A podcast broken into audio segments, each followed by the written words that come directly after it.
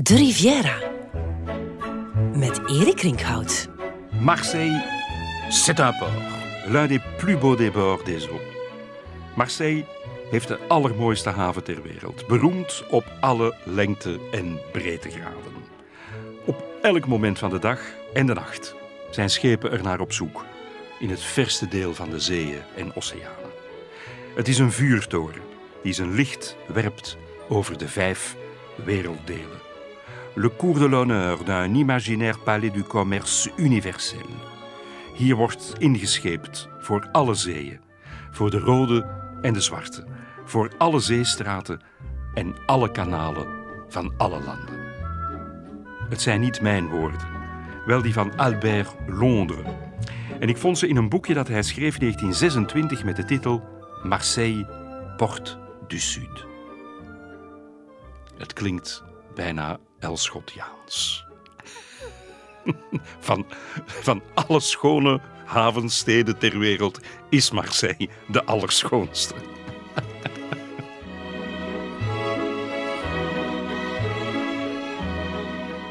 Londres was een Franse journalist en schrijver. Een van de uitvinders van de onderzoeksjournalistiek. Hij bracht niet alleen nieuws, maar creëerde het ook.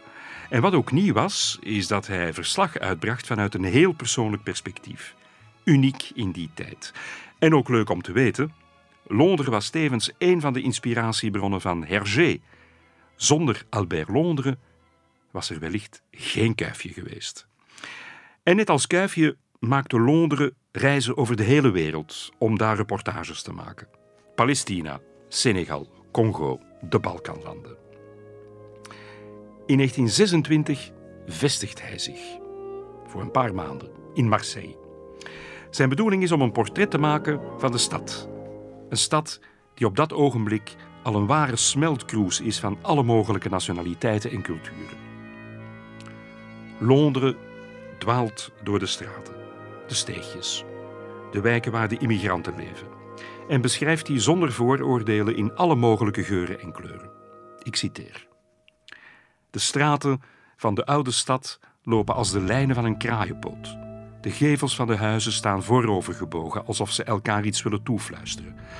Maar het is aangeraden om er met een paraplu rond te lopen, want soms valt er op wonderbaarlijke wijze uit de ramen boven een stuk voedsel zomaar in je armen. Het boek van Londres is een kostbaar tijdsdocument. Maar wat hem het meest aantrekt als journalist is natuurlijk de donkere kant van de stad. De onderbuik. Het leven aan de zelfkant van de maatschappij. Want dat is Marseille ook. Een stad waar de criminaliteit welig tiert. Het is onmogelijk deze wijk te doorkruisen zonder de onbehagelijke sfeer ervan te voelen. Men voelt hier dat men luiheid verheven heeft tot waardigheid. Alles wat je hier ziet zijn rottende zielen. Dit is geen ellende, maar brutaliteit. Het gaat niet over gekwelde mannen die delen in het ongeluk. Al dit slijmerige tuig is goed gevoed, goed geschoren, goed gekleed. Ze spelen met dobbelstenen of kaarten. Vrouwenhandelaren, nachtgidsen, helers, pokermaatjes, zakkenrollers, inbrekers, meisjesstemmers, verklikkers en welvarende snotapen. Ze denken dat ze in zaken zijn. Onder elkaar noemen deze vogels zichzelf collega's.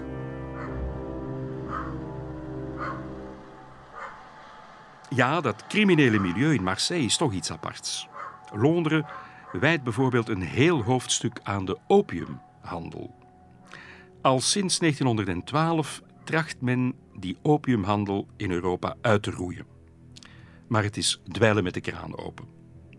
De toevoer vanuit Indochina is niet of nauwelijks te stoppen. Op straat in Marseille is de opium goedkoper te krijgen dan de officiële opium, die in Indochina vervaardigd wordt voor medische doeleinden. De verklaring is eenvoudig. Er wordt regelmatig ingebroken in de pakhuizen van de Régie Indo-Chinoise, waardoor veel pakketten opium verborgen in de lijnboten in Marseille kunnen aankomen om vervolgens te worden gecentraliseerd in enkele baars in Marseille. Samen met een politieinspecteur gaat Albert Londres op onderzoek uit in de haven. Hij beschrijft de arrestatie van een matroos die gevat wordt met een partij opium, verstopt in twee grote broden die hij onder zijn arm draagt. Of wat later, een andere partij opium die wordt aangetroffen in een lading wilde dieren uit Afrika. Maar wat hem vooral opvalt, is dat dat criminele milieu zich niet wegstopt. Alles lijkt zich open en bloot op straat af te spelen, of in de cafés rond de haven. Het is de droom van iedere crimineel, zo schrijft hij, om patroon te worden van een of andere baar. Voor Londres is het duidelijk dat die patrons als een soort godfathers fungeren. Ze regelen alle loesje zaakjes, adviseren, dirigeren. Ze betalen zelfs netjes hun belastingen. Maar op hun gezicht staat hun ware aard af te lezen. Je moet ze zien. Het is een onvergetelijk schouwspel. Hun handen, hun hoofden, hun stemmen, hun gebaren, hun vrouwen. Ah, vriendelijke en respectabele bistro's in Frankrijk. Jullie hebben een paar leuke collega's daar. Ze staan daar ingesloten achter hun toog als in de box van een hof van Assise. Alleen de gendarmes ontbreken. Het is moeilijk om een meer triomfantelijk kanaille voor te stellen. Londres noemt niemand van deze criminelen bijnaam. Misschien wel voor zijn eigen veiligheid. En dat was misschien maar slim ook.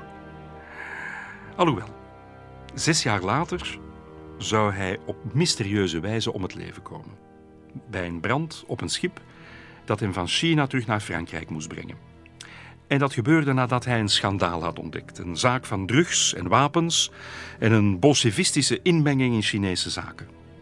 Het is een zaak waarvan we vandaag nog altijd niet het fijne weten. Maar wie er anno 1926 in Marseille aan de criminele touwtjes trok, dat weten we inmiddels wel. Twee namen: Paul Carbonet en François Spirito. Een onafscheidelijk duo. Hun levensverhaal is materiaal om een film van te maken. En dat is overigens ook gebeurd. In 1968 ziet Alain Delon, tijdens de opname van de film La Piscine aan de Côte d'Azur, een boek te lezen, waarin het verhaal van dit illustere duo beschreven wordt. Delon beseft meteen dat hij goud in handen heeft. Hij wil zelf Carbone spelen. En voor François Spirito heeft hij ook al iemand in gedachten. Jean-Paul Belmondo. De film komt uit in 1970. Hij draagt de titel Borsalino. En hij staat tot op vandaag bekend als misschien wel een van de beste gangsterfilms die ooit gemaakt werden. Je voulais vous dire en face que je suis revenu pour vous tuer. Et que je vais le faire. Très vite. Mais pourquoi vous me dites ça Pour que vous ayez peur.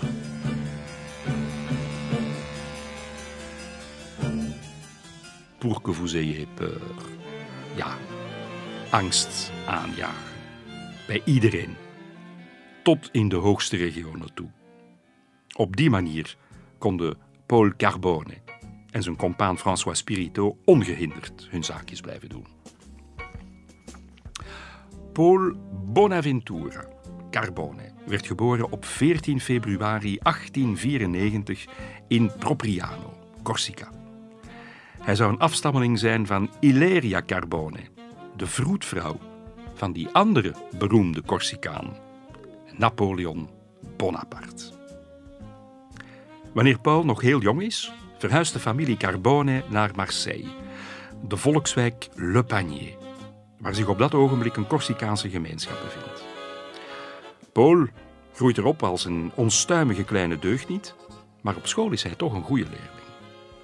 Wanneer zijn vader sterft, moet hij echter de school verlaten en mee instaan voor zijn moeder en twee jongere broers. De jongen is amper twaalf, maar neemt elk baantje aan dat hem wordt aangeboden. Krantenverkoper, dokwerker. Hij wordt een stevige kerel, krachtige torso, stierennek er bovenop en niet gierig als het erop aankomt om wat klappen uit te delen. Dat komt vooral van pas bij de dobbelspelletjes die hij met zijn vrienden in Le Panier organiseert. Hij komt er voor het eerst met de politie in aanraking nadat hij een dokwerker een pak rammel heeft gegeven. Waardoor die dokwerker twee maanden werk onbekwaam is. En het zou niet bij die ene keer blijven. In 1914 wordt hij opgeroepen om zijn militaire dienstplicht te vervullen. En hij komt terecht in het Bataillon d'Afrique, een legerkorps met een felle discipline. Dat was speciaal voorbehouden voor de zware jongens. Maar zelfs daar heeft men moeite om Carbone in de pas te laten lopen. Het is ook een periode waarin hij zijn lichaam vol laat tatoeëren. Afbeeldingen van slangen en van vrouwelijk schoon. En ook met allerlei inscripties, zoals Vive Napoleon, Honneur et patrie, Mort aux vaches, Merde. En tenslotte, pikant detail, op zijn onderbuik, boven zijn edele delen, de veelbelovende inscriptie Au plaisir des dames. Een paar jaar later zou hij proberen om deze tatoeages zoveel mogelijk uit te laten wissen, omdat ze niet pasten bij zijn nieuwe imago van respectabele gangster. En dan breekt de grote oorlog uit. Carbone komt verschillende keren in het heetst van de strijd terecht, eerst in Marokko, daarna bij Verdun in 1917. En daar laat hij zich zelfs onderscheiden wanneer hij op gevaar van eigen leven een meerdere weet te redden. Ten slotte raakt ook hij gewond nabij de beroemde, beruchte Chemin des Dames. Als hij al niet gehard was door het straatleven in Marseille, dan is hij het nu helemaal. Terug in Marseille, 1919 gaat Carbone varen. Begint met het smokkelen van pakketjes opium, maar houdt toch vooral zijn ogen gericht op iets dat op dat ogenblik veel lucratiever is, namelijk prostitutie en vrouwenhandel. Het duurt ook niet lang voordat hij zich een plaats weet te verwerven als pooier in Marseille. Maar hij is ambitieus, verkent nieuwe horizonten en komt terecht in Cairo. Stad die op dat ogenblik een grote gemeenschap Franse pooiers heeft. Het is daar dat hij zijn brother in crime, François Spirito, leert kennen. Een Italiaan, ook met een stormachtige jeugd, 13-jarige leeftijd in Marseille is beland en zich ook daar heeft opgewerkt tot pooier. Spirito is evenwel een elegante man. Lang en slank, charmant, kan goed dansen en wordt door de dames beau ficelle genoemd. Carbone en Spirito ontmoeten elkaar, maar als ze in contact komen, in aanvaring komen met enkele Egyptische concurrenten, loopt het even fout, of bijna helemaal fout, voor Carbone. Ze nemen Carbone mee in de woestijn, begraven hem tot aan zijn nek in het zand en smeren zijn gezicht in met honing om mieren aan te trekken. Carbone zit twee dagen in de brandende zon. Een onvoorstelbare marteling. Het kost hem bijna zijn leven. Maar dan daagt Spirito op. Na een verwoede zoektocht heeft hij zijn vriend weten te vinden. En vanaf dat moment worden ze onafscheidelijk en laten ze zich door niemand nog afschrikken. Er worden banden gesmeed met de grote pooiers in Cairo en Alexandrië. En ze verrijken zich met aanvoer van nieuwe meisjes uit Marseille. Ze richten ook hun eigen luxueus bordeel op in Cairo. Rose des Sables. En terwijl Carbone in de Egyptische hoofdstad blijft om de club van de grond te krijgen, reist zijn hulpje de Nijlvallei af om opiumproducenten te ontmoeten. Want Egypte is niet alleen het beloofde land voor Franse pooiers, maar het is ook het koninkrijk van de verdovende middelen. De Nijlvallei is het wereldcentrum van alle mogelijke en denkbare drugshandel. Hun actieradius breidt zich ook weer uit naar Marseille, waar ze zich gaan bezighouden met grootschalige afpersing. Baars, hotels, bordelen, cabarets, kruidenierswinkels, zelfs fruitverkopers en groenteverkopers. In ruil bieden ze dan ook zogenaamde bescherming en allerlei diensten aan. Eind jaren twintig hebben ze aandelen in de bordelen langs de kust, van Marseille via Nice. Het geld stroomt binnen. Hun levensstijl is navenant. Diners aan de beste tafels, kostuums van de beroemdste kleermakers, reizen in limousines, veelvuldig bezoek aan het casino van Monte Carlo. Ze raken bevriend met mensen uit de high society, uit het zakenleven, maar ook uit de culturele wereld. Onder andere de grote ster van het moment, Tino Rossi, niet toevallig ook een Corsicaan, wiens carrière begonnen was in Marseille. Quelle merveille, mon Marseille, qu'il est joli, mon beau pays. In het Merveille, genaamd Marseille, worden nu ook de krachten gebundeld met een zekere Martini, bekend als Le Beau Marquin, leider van een bende vervalsers die het Marseilleaanse milieu bevoorraden met valse postzegels, vals geld, valse paspoorten en valse identiteitskaarten. Dankzij contacten met enkele Corsicaanse ploegbazen van de havenarbeiders controleren ze op den duur heel de haven, wat hen in staat stelt allerlei soorten handel aan te boren. Sigaretten, goud, alcohol en uiteraard drugs. Corsicaanse zeelieden op de verbinding Alexandrië-Marseille worden omgekocht om opium, de zakken met pate brun, voor de kust van Marseille in zee te werpen, waarna eveneens omgekochte vissers de zakken aan boord van hun kleine bootjes komen ophalen. Het is een techniek die vandaag de dag nog steeds gebruikt wordt, maar dus is uitgevonden door het beroemde duo uit Marseille. Eenmaal in Marseille werd de opium rechtstreeks verkocht in de baars van de Vieux-Port en in de buurt van de Opéra. Van die schimmige baars dus, die Albert Londres zo kleurrijk beschrijft in zijn boekje Marseille, Porte du Sud. Wanneer men niet door dorst gedreven opzettelijk een van deze schitterende etablissementen binnengaat, en nadat men een tafeltje heeft uitgekozen, de voeten uitgestrekt, de handen in de zakken van de broek, vastbesloten om wat uit te rusten, ziet men onmiddellijk iets merkwaardigs. Schurken in alle maten en gewichten die passeren, en nog eens passeren, snuivend en nadenkend. Het lijkt wel of mijn onverwachte aanwezigheid hun monden heeft dichtgenaaid. Ze kijken naar je schoenen, tellen de knopen van je vest, de stippen van je stropdas. Een van hen fouilleert zichzelf. Ik dacht dat hij er een meetlat uit zou halen om de exacte lengte van de sinus van mijn neus te meten. Wanneer de inspectie voorbij is, gaan ze terug naar hun hondenhok. Daar doen ze teken naar de baas. Quelle se? Maar de plaatselijke notabele, degene die de belasting betaalt, haalt onwetend en onverschillig zijn schouders op. De patroon gaat terug naar zijn aanrecht naast zijn revolver, zijn Amerikaans boksijzer, zijn kastijt en al zijn andere vrienden.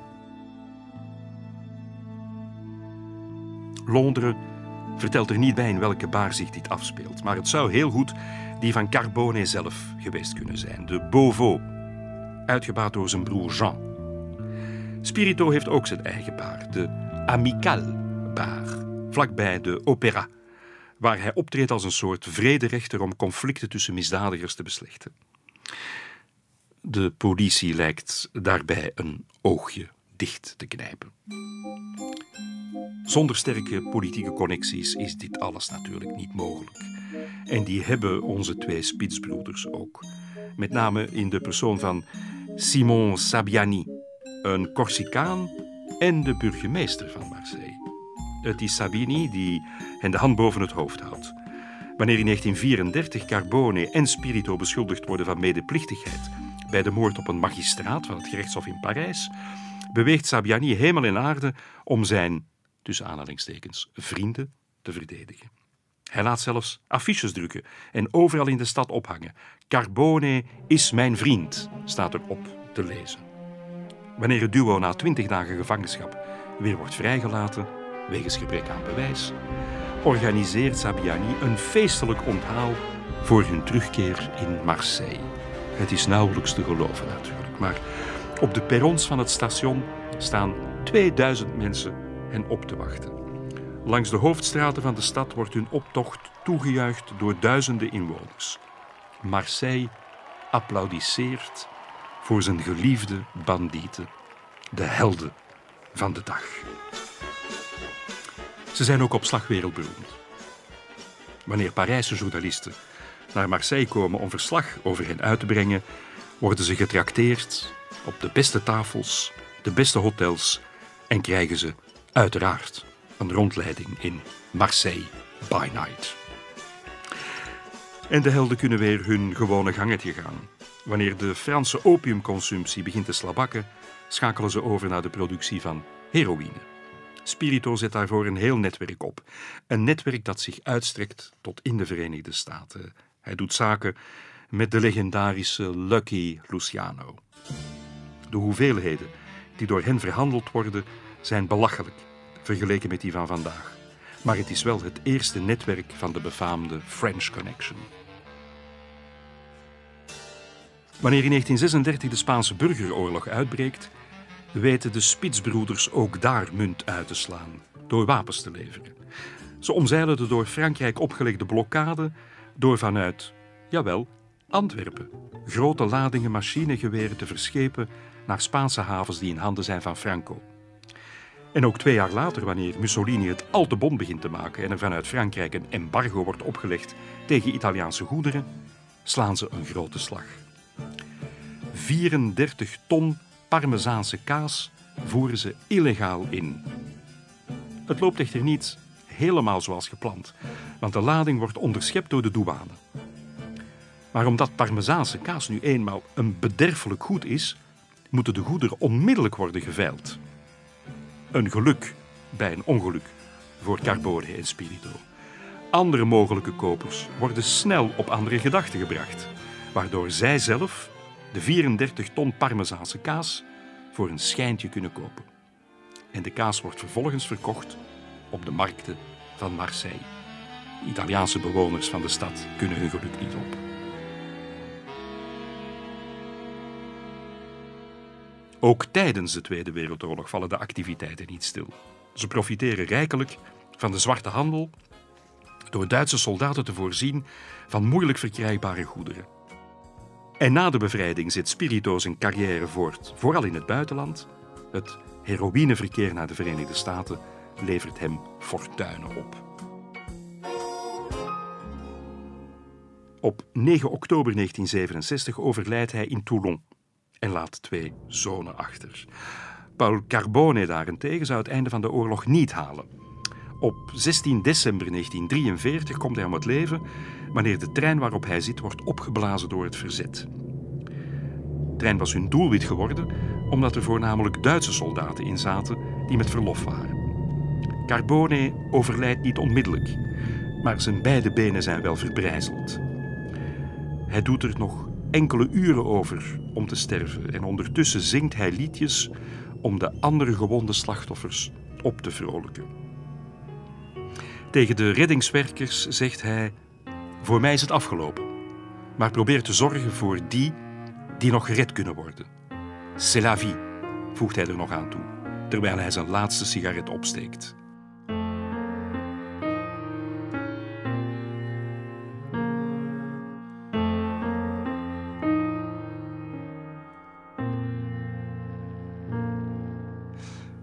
Enkele dagen later wonen meer dan 3000 mensen zijn begrafenis bij. Onder hen figuren uit de onderwereld, de politiek, de muziek. En ook Tino Rossi is van de partij. Speciaal voor de gelegenheid zingt hij het Ave Maria.